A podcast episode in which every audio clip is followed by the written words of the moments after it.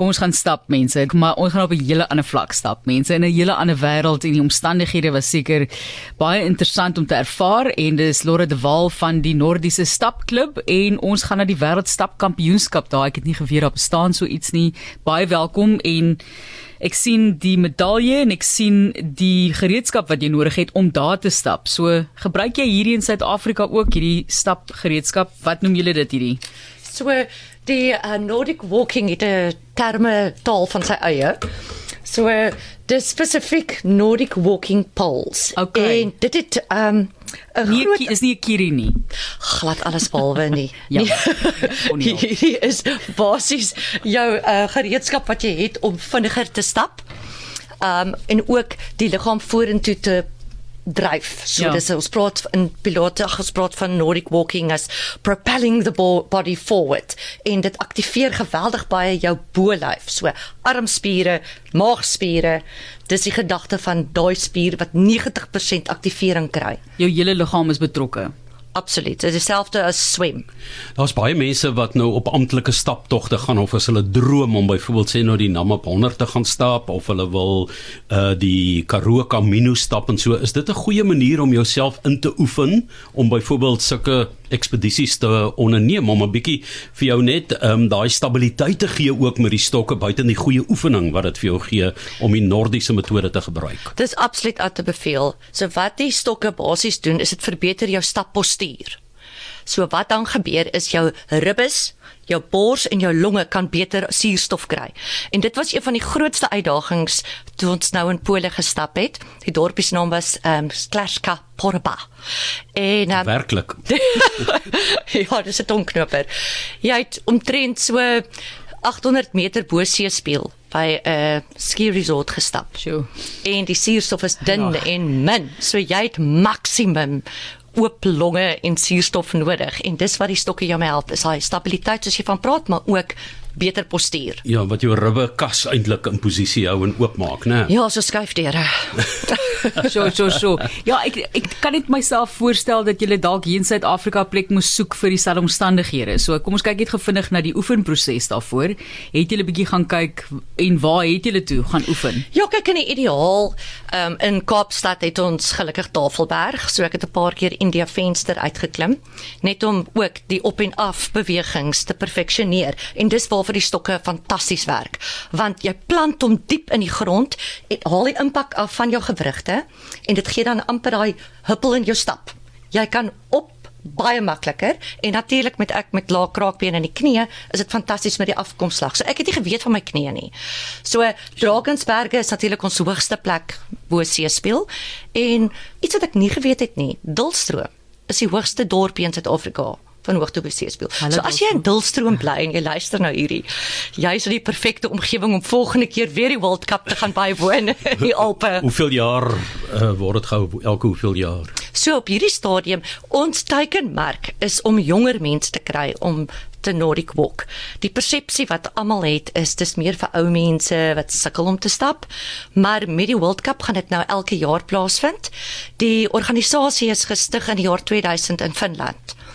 En die dryfveer is jong, gesonde, fikse mense om hulle oefening net verder te vat want met hierdie stap verbrand jy 40% meer energie as met 'n gewone stap en 30% meer as draf.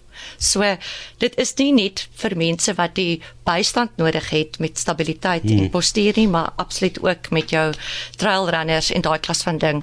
En soos jy dan sê ook, die stokke maak jou hele beweging net baie meer vloeiend en ritmies, amper soos daai soldate gister by die begrafnis. As jy Daai sien hoe hulle daai marsering doen, dis presies die aksie wat jy het met die stokke. 40% minder, 20% per stok. As jy net met een stok loop, is dit 20%. En as jy met geen stok is dit 0%. Nee, uh, Goeie somme nee, alle alle grappies op 'n stokkie. Ehm Ai. Goeie, goeie Ja, lyn Martelies daar. is spesiaal vir jou. dit. Jy weet. Nee, uh, vertel ons hoeveel lande het deelgeneem aan die Nordiese internasionale So, kampioenskap? meer as 15 lande. 15. Mhm. Mm en dit was fantastiese kameradie. Onmiddellik was daar 'n koneksie want die Nordic Walkers het iets in gemeen. Dis gesondheid, dis respek vir jou natuur, vir jou land. Um en dis 'n prioriteit vir almal daar. So in die aand as ons in die hotel gesit het, dan het die vinne by ons kom sit en die Italianers en daar was net hierdie ag, ons gaan nou nie sê ons het 'n um, ehm, prosecco saam gedrink na die tyd nie maar um, dit was deel van die motivering. Ja nou ehm um, die wil ek amper sê interaksie wat daar plaasvind tussen verskillende lande is belangrik, maar watter lande is die toonaangewende lande want dis Nordies so Noorwe onder ja. andere is dit maar daai poolstreke of uh, die ja, noordkouers so dele groot verteenwoordiging obviously van Pole Kroasie ehm um, Latvia obviously Finland ja. en die vorige World Cup was in China Ah. So ja. Was Australië byvoorbeeld Nieu-Seeland? Ek het Australië en Nieu-Seeland nie daar gesien nie. Dis interessant. Engeland, ehm um, daar was wel Amerikaners. Ehm um, so dit was absoluut 'n groot globale byeenkoms. Die Vrydag het ons al aangekom toe is daar 'n groot openingsseremonie en elke land het 'n vlag gehad en 'n ek het so 'n klein oulike 10-jarige dogtertjie gehad met 'n Suid-Afrika bordjie. So Chariots of Fire in die agtergrond. Jy kan gaan kyk op YouTube ook die openings uh, seremonie is daarop. En dan die Saterdag was nou die 21 kg, die 10 kg en die 5 kg en selfs die einde van die seremonie was daar vir spesiale ehm um, 2 km stap vir mense met disabilities. Um kinders van 10 jaar af. Ek dink die oudste stapper was 78 jaar oud.